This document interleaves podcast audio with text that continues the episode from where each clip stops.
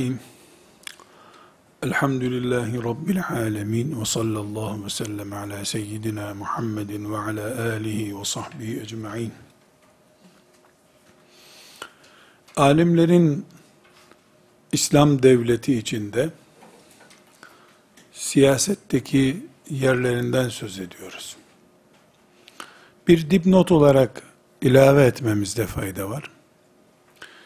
İdealimiz ve gayretimizi yansıtan İslam devletinden konuşuyoruz.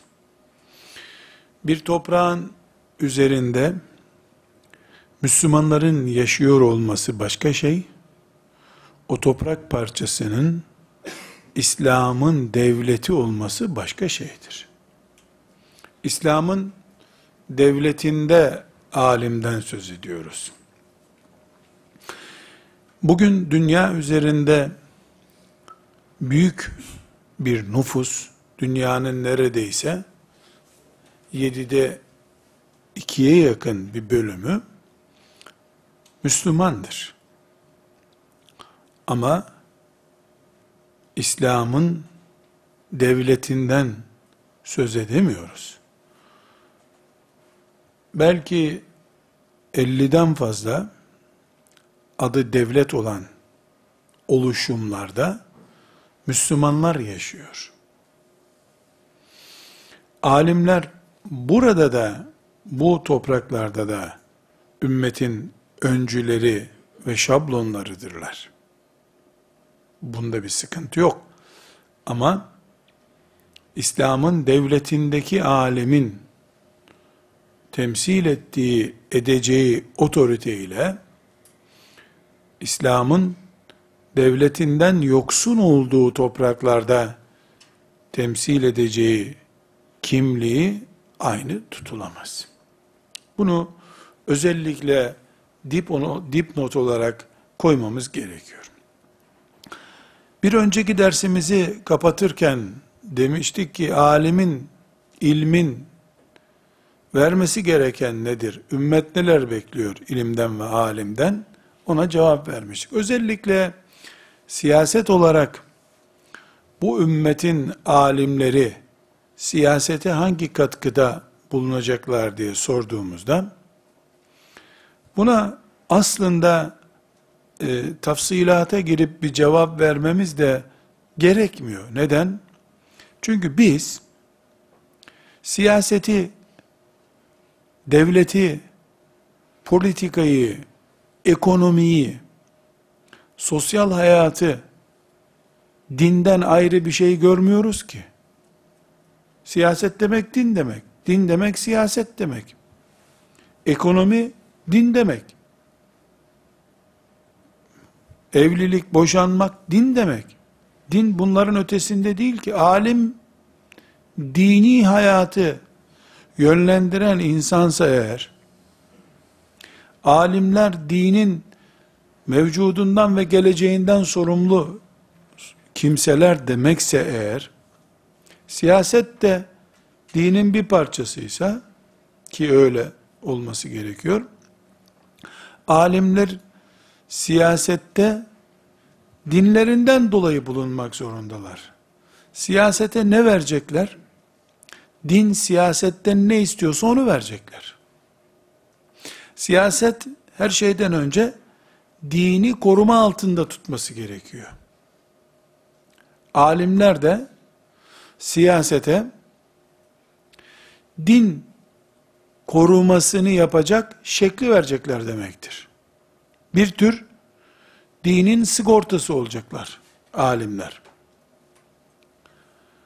Siyasetçilerin kayma, yanlış yapma, hataya düşme ihtimaline karşı sigorta vazifesi yapacaklar.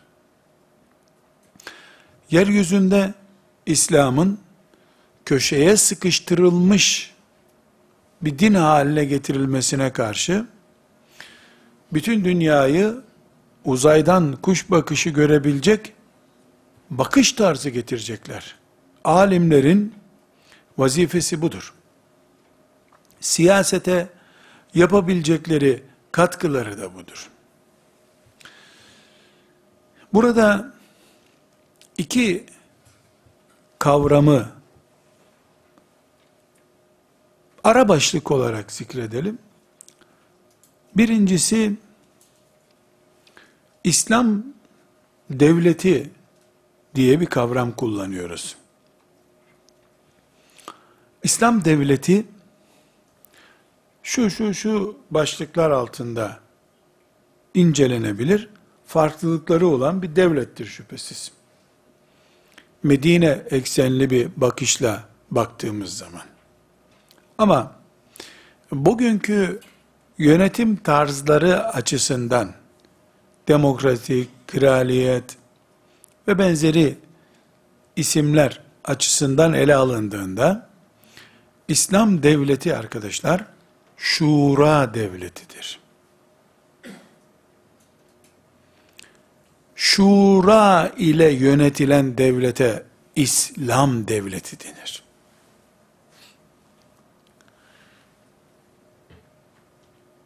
Efendimiz sallallahu aleyhi ve sellemin Medine'de tesis ettiği devlet şura devletidir. Ebu Bekir, Ömer, Osman, Ali radıyallahu anhum cemiyen dönemine ait yani asr-ı saadet dönemine ait devlet de şura devletidir. Bu bizim şura hakkında ön bilgimiz olmasını gerektiriyor. Böyle bir açılım yapacağız. Neden şura hakkında açılım yapacağız? Çünkü devletin mantığı şura mantığıdır İslam'da. İslam devletinin mantığı şura mantığıdır. Alimlerin siyasete müdahale alanı da şura başlığı altındandır. Yoksa alimler kamuoyu oluşturup kamuoyu üzerinden iş yapan kitle değildir. Alimlerin bir ağırlığı vardır. Bu ağırlık zaten devletin yapısından kaynaklanır. Gerçi tarih boyunca hep krallık, padişahlık olarak zikredile gelmiştir. Ama İslam'ın örnek devleti Medine'de asr-ı saadet diye özetlenen dönemdir. Resulullah sallallahu aleyhi ve sellemin Medine'ye hicretiyle beraber başlayan 40. yıla kadar devam eden asr-ı saadet dediğimiz 40 yıllık dönem İslam devlet yapısının örnek dönemidir. Daha sonra içinde dedelerimiz Osmanlıların da bulunduğu devlet yapıları, Osmanlı, Selçuklu, Abbasi, Memluki, Emevi, belki e, böyle parazit bir örnek olarak Fatimi devletleri, Endülüs'teki Emevi devleti, İslam'ın ayet hadis gibi örnek alınabilecek devlet modelleri değildir. Özellikle Osmanlılar da dahil buna. O dönem yani bu Osmanlı dönemi veya diğer dönemler ümmeti Muhammed'in kendine ait arızalı dönemleridir. Osmanlı dönemi, Selçuklu dönemi, Abbasiler dönemi, Ömeviler dönemi, bunlar ümmeti Muhammed'in kendine mahsus ama sorunlu dönemlerdir.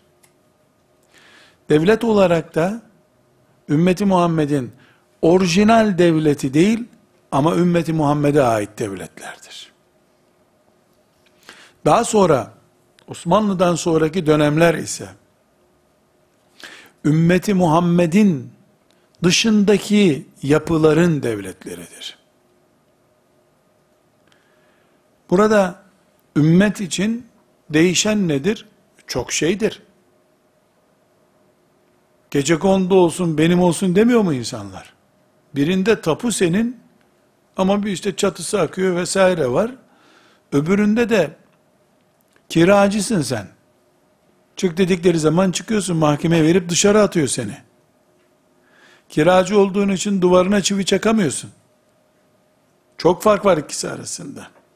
Ama konumuz o siyasi bir dönemleri bu şekilde inceleme konusu olmadığı için bu ayrıntıya girmiyoruz. Kısaca İslam devleti şura devletidir diyoruz. Adı şura devletidir. Bu şura devletinin nitelikleri, yapısı üzerinde mütealalarımız olacak. İkinci olarak İslam devletinin işleyişine şer'ilik adı verilir. Siyasetine de şer'i siyaset denir. Bu kavramı, şer'i siyaset kavramını Müslümanlar çok iyi bilmeyebilirler ama Müslümanların düşmanları çok iyi biliyorlar. Çok iyi biliyorlar. Çünkü şer'i kelimesi hangi isme takı olarak gelirse şeriata uyumlu anlamı taşır. Şer'i siyaset şeriata uygun siyaset demek. Şer'i ekonomi şeriata uygun ekonomi demek. Şer'i toplum, şeriata göre toplum demek. Şeriat da İslam'ın çekirdeğinin adıdır. Bunun için yıllardan beri camilerde namaz kılan hacı efendiler veya hacı olmayan efendiler, şurada burada Yasin toplantılarına giden teyzeler, Resulullah deyince sallallahu aleyhi ve sellem diye ellerini göğüslerine götürdüler. Müminlikleriyle övünç duydular. Ama şeriata hep düşman oldular. Hiçbir zaman ev sahibi olmayı düşünmedikleri için, kiracı olarak kalmayı düşündükleri için hep. Şer'i siyaset, şeriatı esas alan siyaset demektir. Şeriatı esas alan siyaset de Kur'an'ı ve sünneti rehber edinmiş siyaset demektir. Çünkü şeriat Kur'an ve sünnet demektir. Ne gariptir ki kardeşlerim. Şeriat beyin takımı demek. Beyin yapısı demek İslam'ın. Müslüman bir nesil yetiştirildi. Bu kendi beynine karşı çıkan insan gibi şeriata karşı çıkıyor. İnsan düşünebiliyor muyuz? Benim vücudum çok güzel, beynimden bıktım diyor.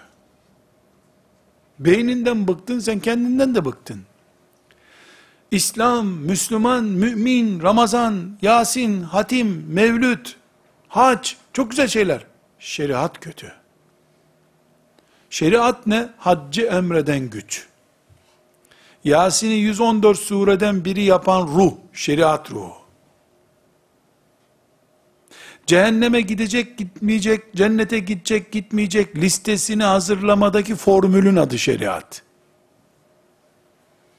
Kur'an'ımız şeriatın kendisi. Allah Azze ve Celle ne buyuruyor? ثُمَّ جَعَلْنَاكَ ala şeriatin minel emri. Senin işlerini bir şeriat üzere koyduk biz. Yani senin şeriatın var, beyin gücün var demek. Ala şeriatin minel emri senin işinde bir beyin gücü var. O güç şeriattır. Burada bir gariplik var tabi. Bu gariplik inşallah bilmemezlikten kaynaklanıyordur. Gerçeği bilmediğinden Müslüman böyle söylüyordur deriz. Yoksa bu tam anlamıyla irtidattır. irtidattır. Çünkü neden? Beyni olmayan insan istemek gibi bir şey bu.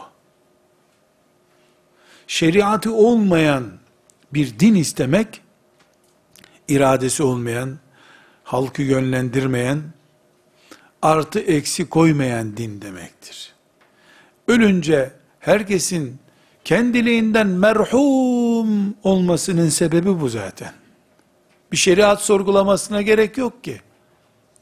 Hesap kitap yok.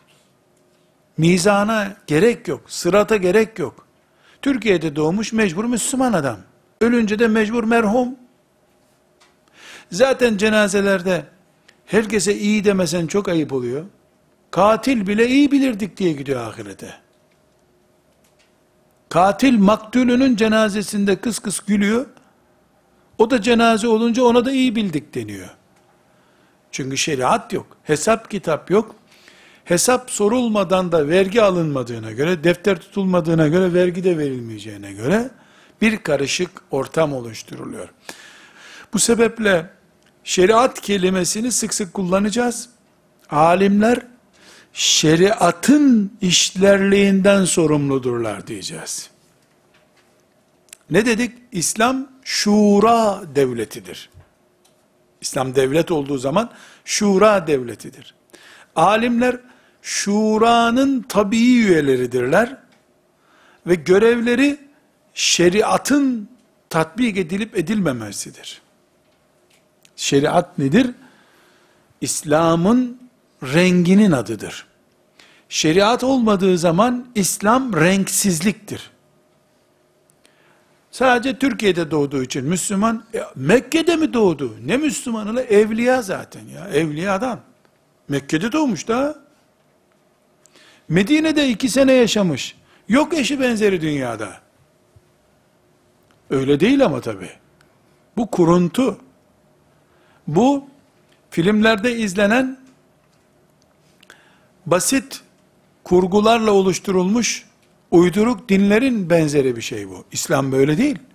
Şeriatı var İslam'ın, hesabı kitabı var. Yok öyle rahat oturup keyif sürmek diyoruz. Şimdi kardeşlerim, konumuzu iyi anlamak için devlet sık sık gündeme getiriyoruz. Siyaseti açıklayacağız. Siyasetin dindeki yerini bulacağız. Aksi takdirde alime iş üretemeyiz. Siyaset eğer 100 kalemli bir işte 88. sıradaysa alimler 88. sırada zurnada delik yeri bile bulamazlar kendilerine. Siyaset hayatı yönlendirmekse eğer ilk numaralarda olması gerekiyor. Bir değilse, iki değilse, üç değilse, dört olması gerekiyor. Bir olmaz. Bir Allah'a imandır çünkü. İki ibadettir. Üç ahlaktır, insanlıktır. Dört olur siyaset ama. Aksi takdirde ahlak e, yok olsa da kıymetsiz hale gelir. Siyaset gelip onu kontrol etmez. İşlevli kazandırmaz ve aktif hale getirmezse ahlakı. ibadeti de, Allah'a imanı da siyaset koruyacak. Dolayısıyla iman, ibadet, ahlakın yanı başında durması lazım siyasetin ve siyasetçinin tabii olarak. Binaenaleyh bizim siyasete bir yer bulmamız lazım. Siyaset, bizim geniş kullandığımız manadaki siyaset, Müslümanın evindeki bir konu değildir. Çarşıda pazardaki bir konu değildir. Devlet konusudur. İslam'ın devlet olduğunda gündeme gelecek bir konudur.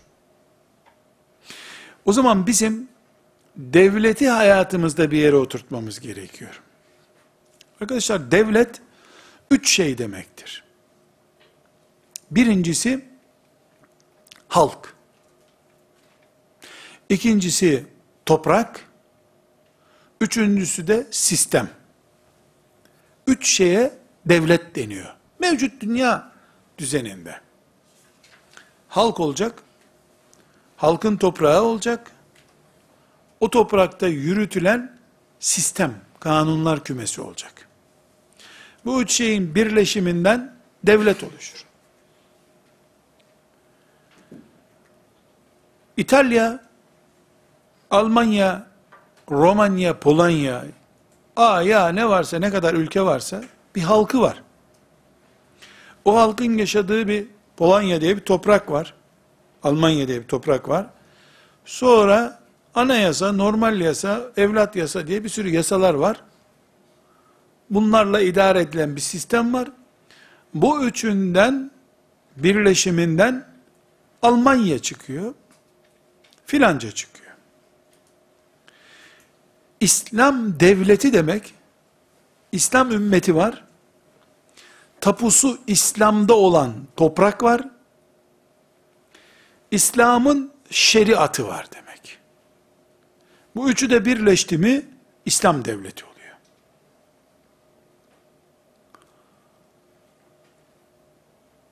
Bu üç parçadan birini çıkardığın zaman mesela halkı çıkaralım. Geriye ne kalır? Toprak ve sistem. E kimin üzerinde nasıl uygulayacaksın? Toprak var, insan yok. Şeriat var, insan yok yine. Nasıl uygulayacaksın?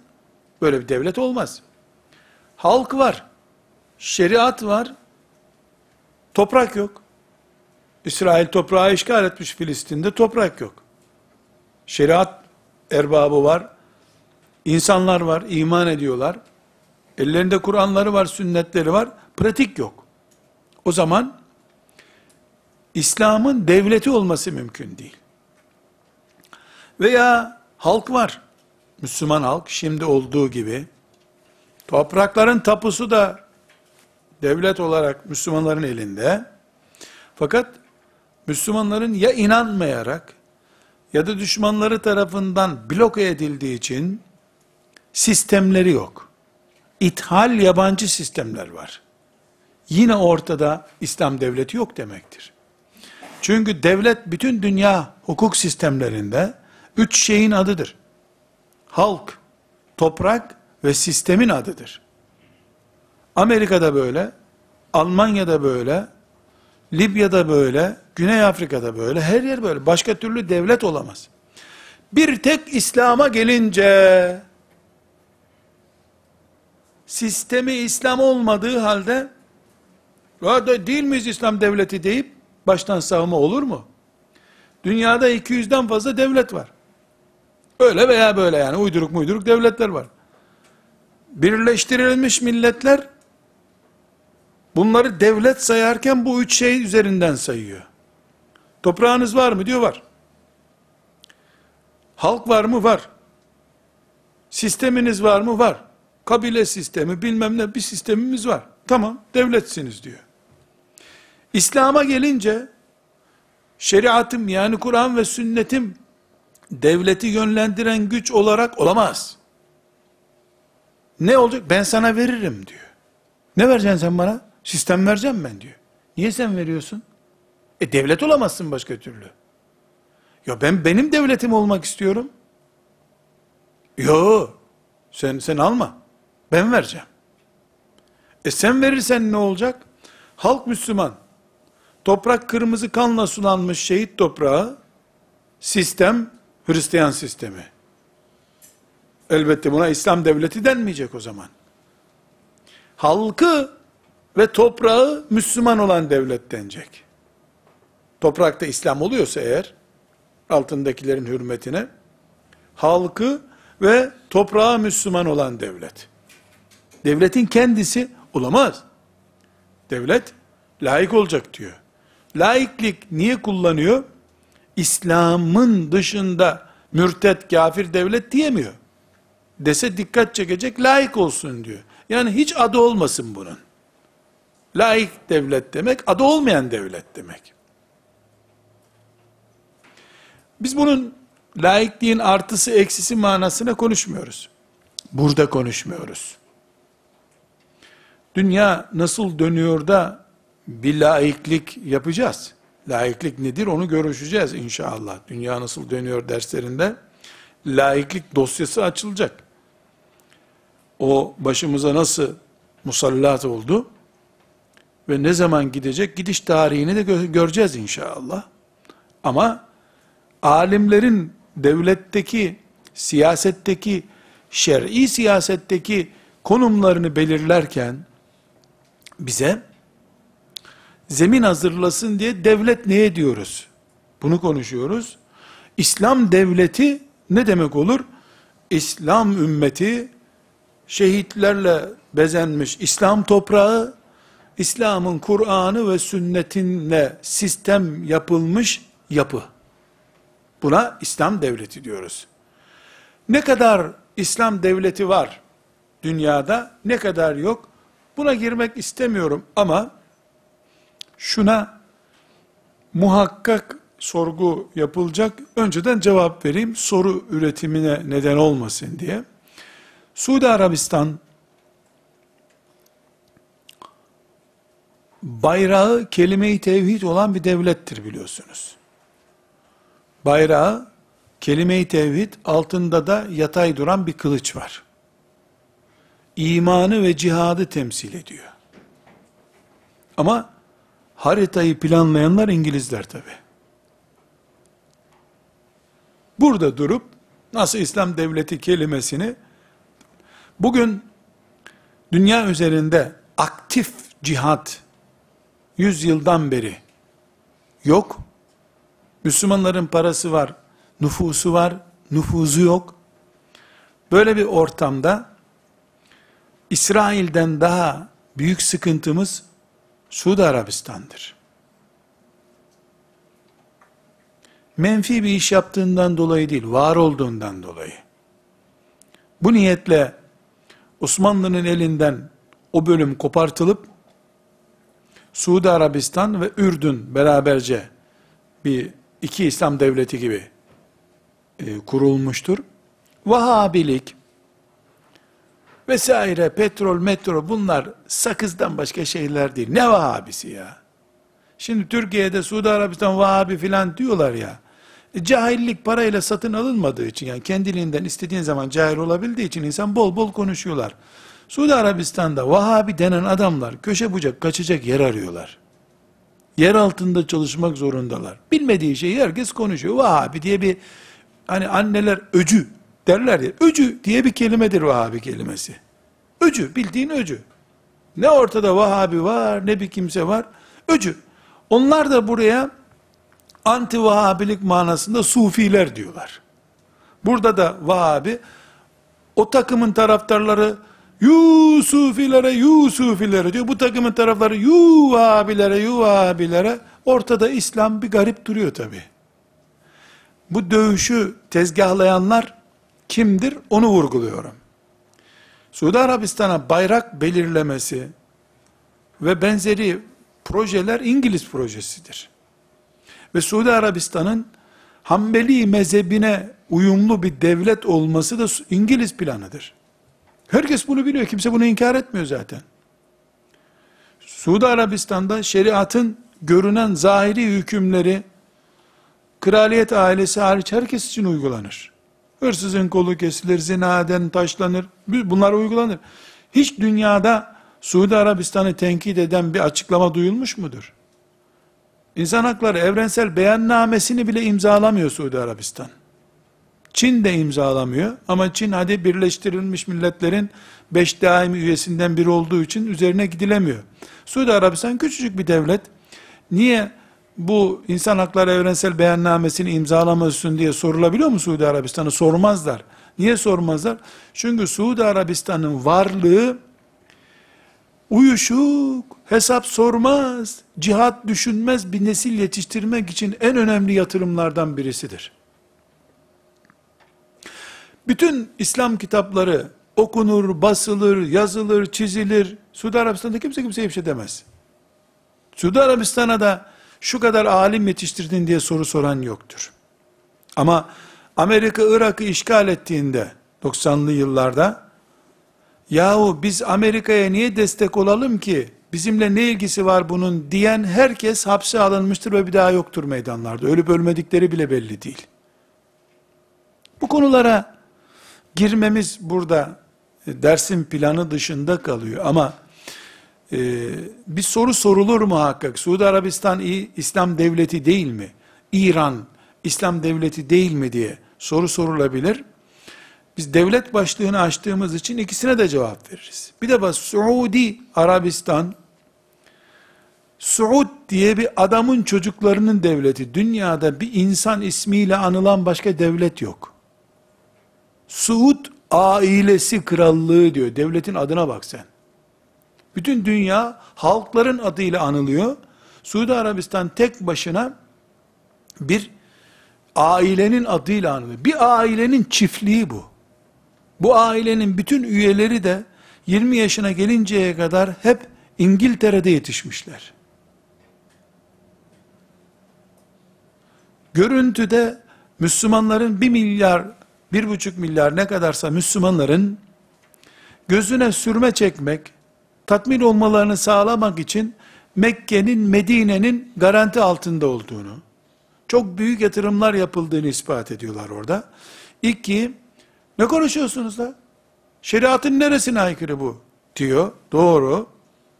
Bayrağa bak, bayrağa sen ya. Hazreti Ebubekir'in devletinde bile böyle kelime-i tevhid bayrağı yoktu. Osmanlı'nın bile hilal düzeyindeydi ancak kelime-i tevhid düzeyinde değildi diyor. Bunlar hep göze boya sürme taktikleri. Suudi Arabistan var oldukça da orijinal bir İslam devletinin işi zordur. Ama olmaz değildir. Allah'ın izniyle ne yaparsa yap Allah'ın kaderi tecelli edeceği gün yeryüzünde kim Allah'ın e, emrine muhalefet edebilir? Gerçekleşecek bir izin ama gecikmenin nedenlerinden biri Suudi Arabistan'dır. İran'a gelince İran İslam'ın radikal anlayışlı mezheplerinden birinin hükümran olduğu söylenen bir devlettir. Ümmeti Muhammed'i kuşatması mümkün değildir. Bir tür kabile devletidir İran. Dolayısıyla biz İslam devleti derken ümmetin Kur'an'ını, ümmetin sünnetini, ashab-ı kiramı ve ümmetin geçmişini, geleceğini kuşatan devlete İslam devleti diyoruz. Öbürü Müslümanlardan bir grubun kurduğu bir kabile devletidir. Bunun altına düşüldüğü zaman. Burada kardeşlerim, toparlayacak olursak alimler, ümmeti Muhammed'in peygamber adına dinini idare eden grubun adıdır. Siyaset de dinden bir parça olduğu için alimler siyasete de şekil veriyorlar demektir. Ama burada çok önemli bir husus, biz bir alimin devlet başkanı olması manasında tefekkür etmiyoruz bunu. Alimler kafa yapısını, beyni oluşturmaları gerekiyor. Devletin, İslam devletinin yapısal kimliğini alimler oluşturacak. Siyasetçi bizim anladığımız manada idarecidir. Bu idareci Ahmet Mehmet diye herhangi bir mümin olabilir. Siyasetçinin sakalları uzun, sarığı olan, elinde asası olan biri olması gerekmiyor. Ümmeti Muhammed'in alimlerin parafesini görmüş, şeriatını bugüne yansıtmış projesini uygulasın, kim olursa olsun. Sadece tek bir engelimiz var. Ee, en üst halifemizin kadın olması mümkün değildir. Bakanlardan filan kadın olabilir. Ama en üst imza hadisi şerifle sabit olduğu için kadın olmaz. Böyle bir özellik var. Şeriatımıza mahsus özelliklerden birisidir bu. Şimdi alimlerin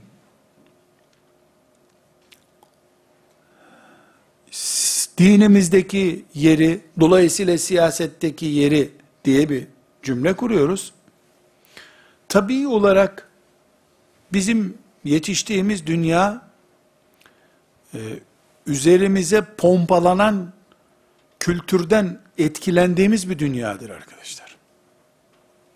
Biz siyasetten bahsettikçe pek çok ilim adamı, tasavvuf erbabı, hoca efendi, mütefekkir insan, yani bu zamanda aşırı konular bunlar.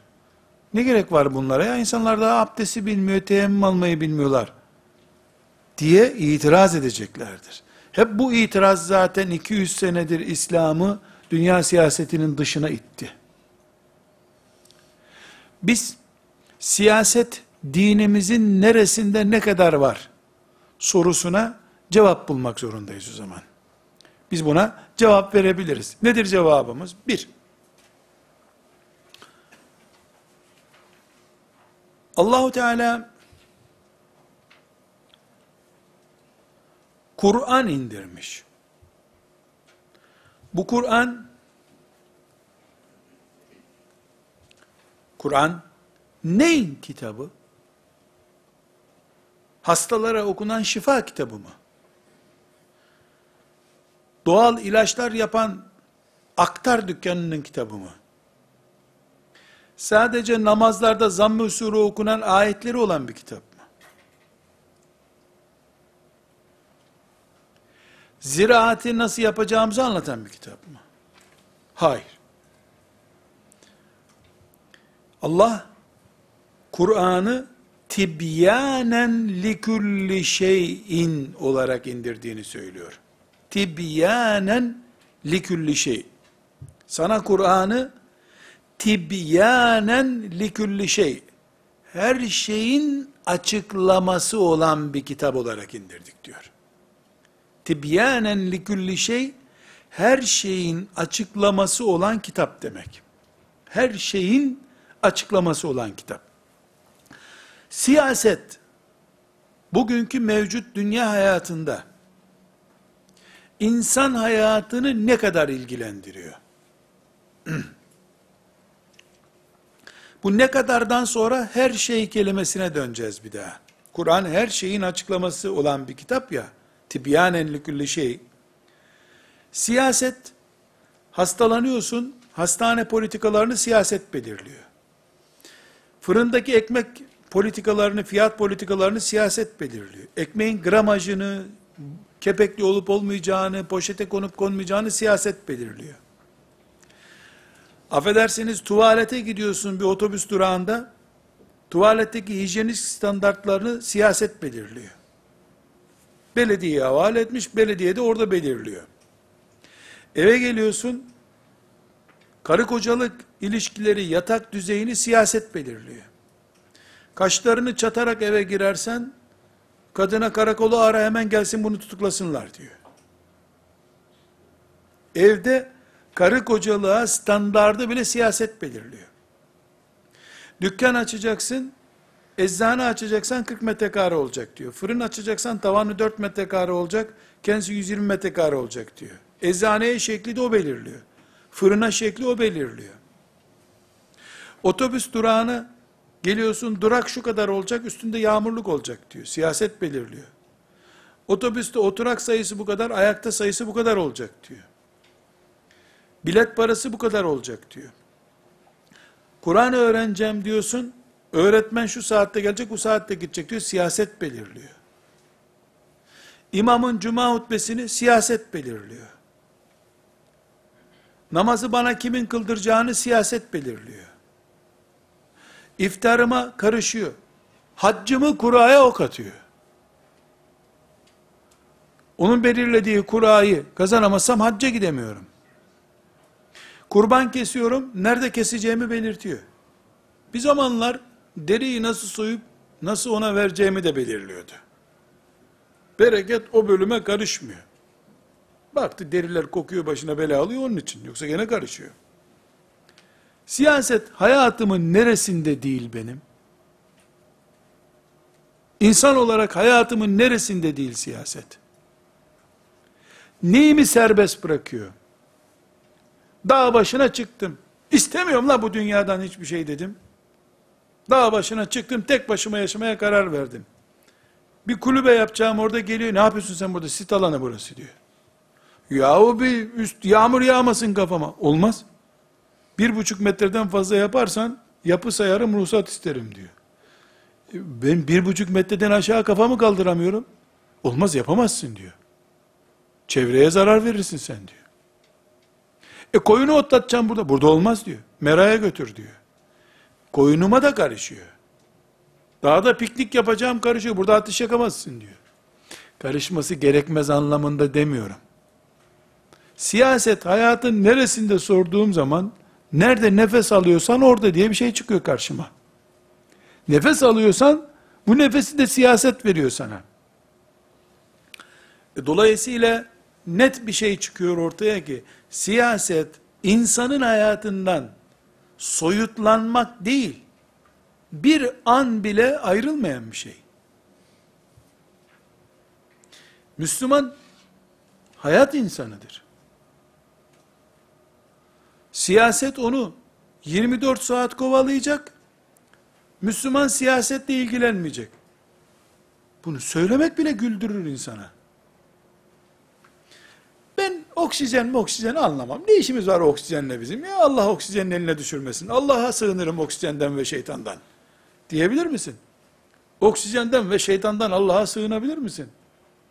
Siyaset hayatın oksijeni gibi bir şey. Sen anlamıyorsun.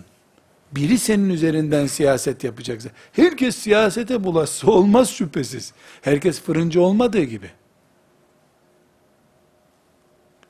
Herkes fırıncı olmuyor ama herkes fırına mahkum. Fırıncı da fırına mahkum. Pişirdiği ekmeklerden bir tane yemesi gerekiyor. Siyaset hayatın bir parçası.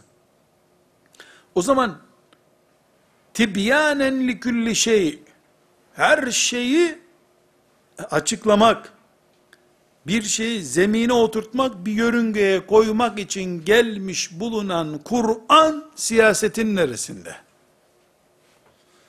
Ziraatı serbest bırakıyor mu Kur'an? Başkasının tarlasına ekemezsiniz demiyor mu? Kur'an ticareti serbest bırakıyor mu? Faizi serbest bırakıyor mu? Çalmayı serbest bırakıyor mu? Alkolü serbest bırakıyor mu? Domuzu serbest bırakıyor mu? E peki aile ilişkilerinde sev sevdiğini götür evine diyor mu? Nikah şartı getirmiyor mu? Nikaha sınırlar getirmiyor mu? Çocuk yetiştirmeye sınır getirmiyor mu? Kural getirmiyor mu? Kur'an hayatın nesini serbest bırakıyor?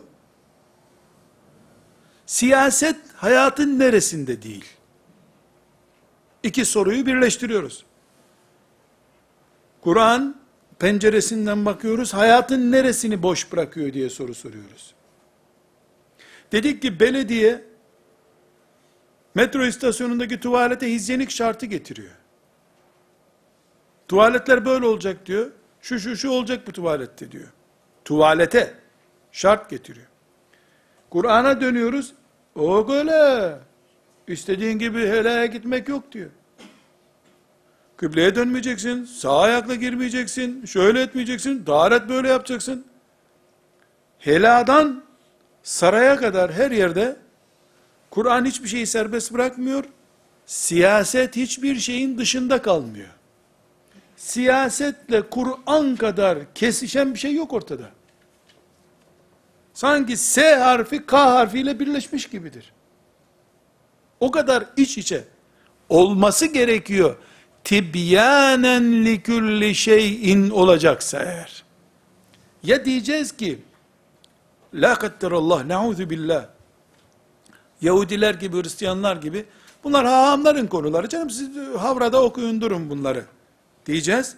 Ya da hayatın kitabı olan bir Kur'an'ımız var diyeceğiz. 200 senedir bize okusanıza bu kitabı sabaha kadar gelmeyin dükkanlara diyorlar. Ama Allah tibyanen li kulli şeyin li kulli şeyin her şeyin açıklayıcısı bir kitap indirmiş. Her şeyin siyaset de her şeydir. Kur'an da her şeyin kitabıdır. Bu da gösteriyor ki bir sürü siyasetle ilgili makul e, bilgiler vesaire filan bunlara hiç girmeye gerek yok arkadaşlar. Sadece bir noktadan yakalayıp siyasetle İslam'ı dolayısıyla İslam'ın ulemasını birleştirmeye çalışıyoruz burada. Dedik ki siyaset hayat demektir. Her şey demektir. Kur'an'da tibyanen likulli şeyindir. Her şeyin izahının bulunduğu kitaptır Kur'an. Dolayısıyla Kur'an'a iman edenler siyasetle ilgilenmek zorundadırlar. Nisa suresinin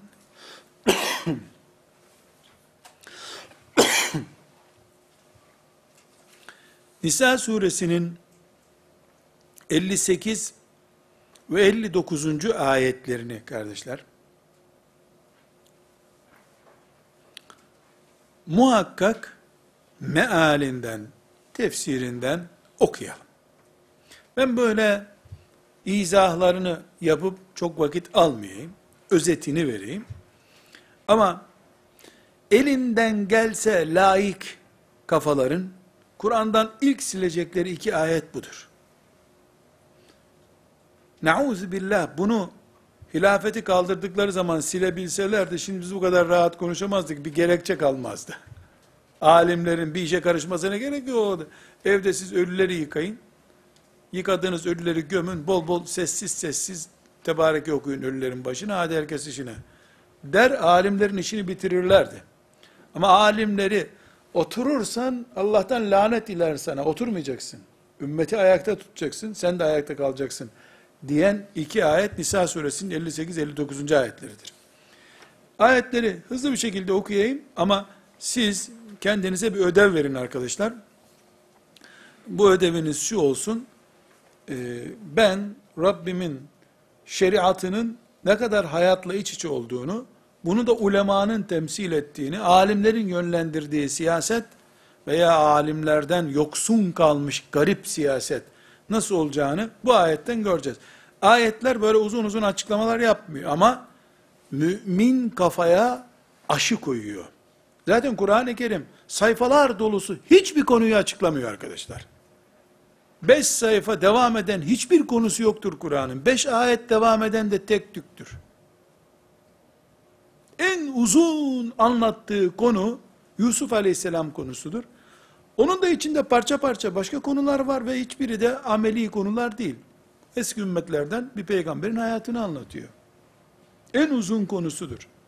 Kur'an akıllı insanlara konuşur. Formülden anlayanlara konuşur Kur'an. Hikaye anlatmaz. Ders yapmaz.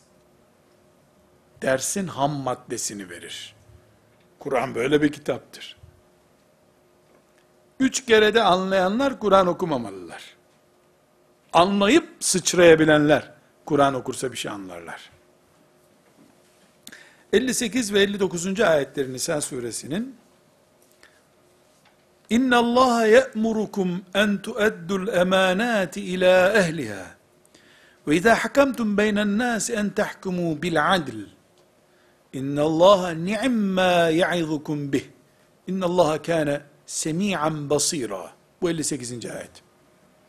Ya eyyühellezine amenu ati'u Allah ve ati'u Rasûle ve ulul emri minkum.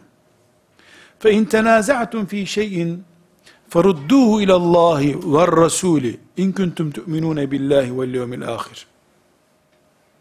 Zalike hayrun ve ehsenu te'vila. Sadakallahu azim. 58. ayet Allah size emanetleri ehline vermenizi emrediyor.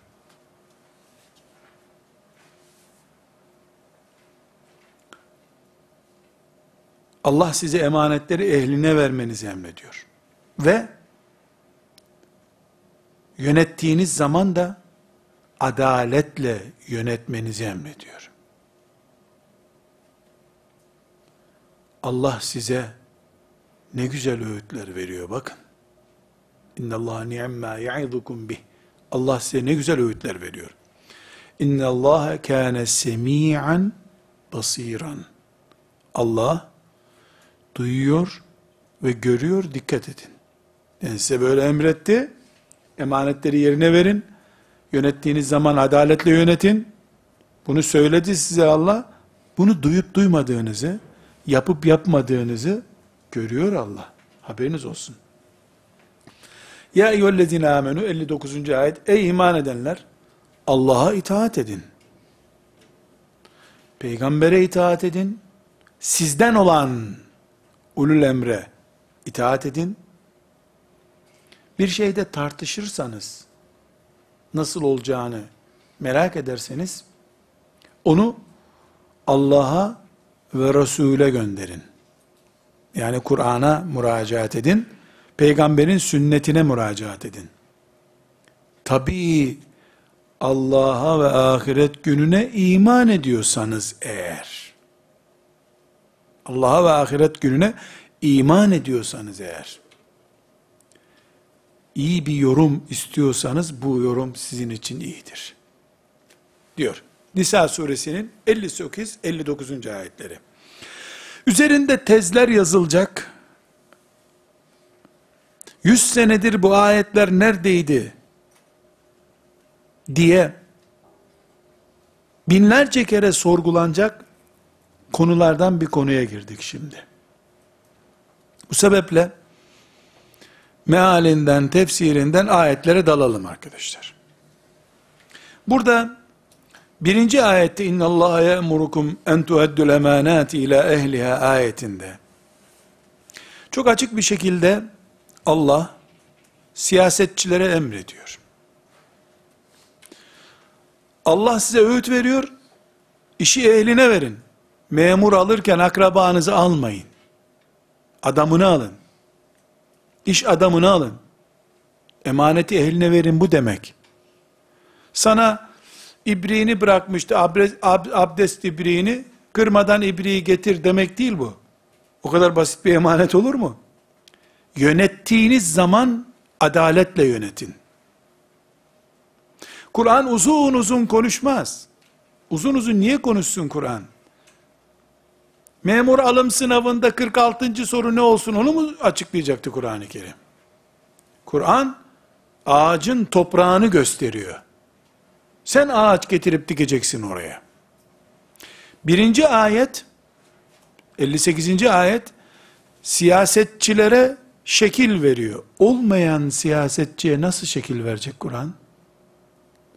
müminlerin kafasında bizim siyasetçimiz, bizim adamımız diye bir düşünce yoksa, niye Allah ona adaletle hükmedin, emanetini eline verin diye emretsin ki? Ölüye mi konuşuyor Allah? Olmayan değeri niye konuşsun Allah Teala? Eğer 58. ayet siyaseti emretmiyorsa niye Allah Ulul emre itaat edin diyor 59. ayette. 58. ayette yöneticilere standart getiriyor. Emanete riayet ve adalet.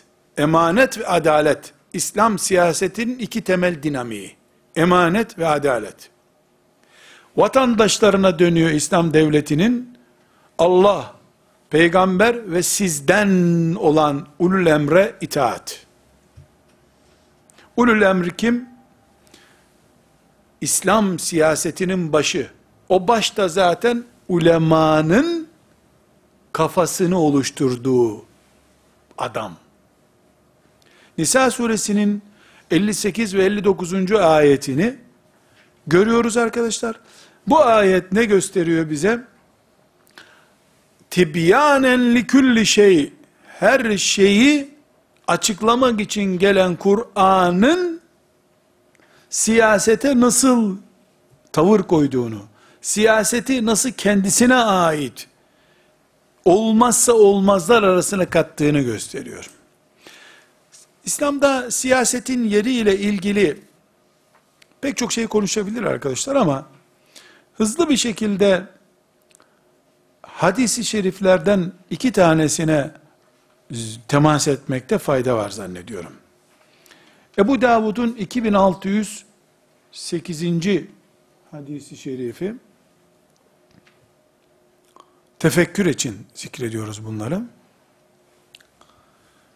Efendimiz sallallahu aleyhi ve sellem buyuruyor ki İzâ kharaca selâsetun fî seferin فَلْيُؤَمِّرُوا أَحَدَهُمْ Üç kişi olup bir yolculuğa çıktığınızda bir taneniz lider olsun.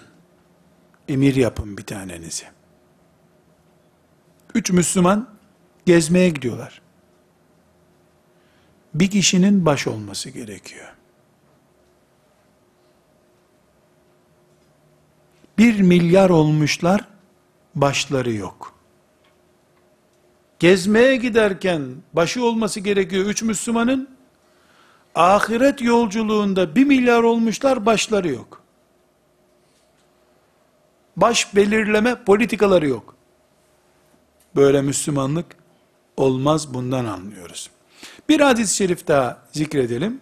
Müslim'de 100 estağfurullah. 1851. hadisi şerif Müslim'de. Çok net arkadaşlar sahih hadisi şerif. Men mate ve leyse fi unukihi bey'atun mate miteten cahiliyeten bir lidere bağlanmadan yani beyat etmeden ölen cahiliye ölümüyle ölür. Müslüman lideri yok. Olamaz.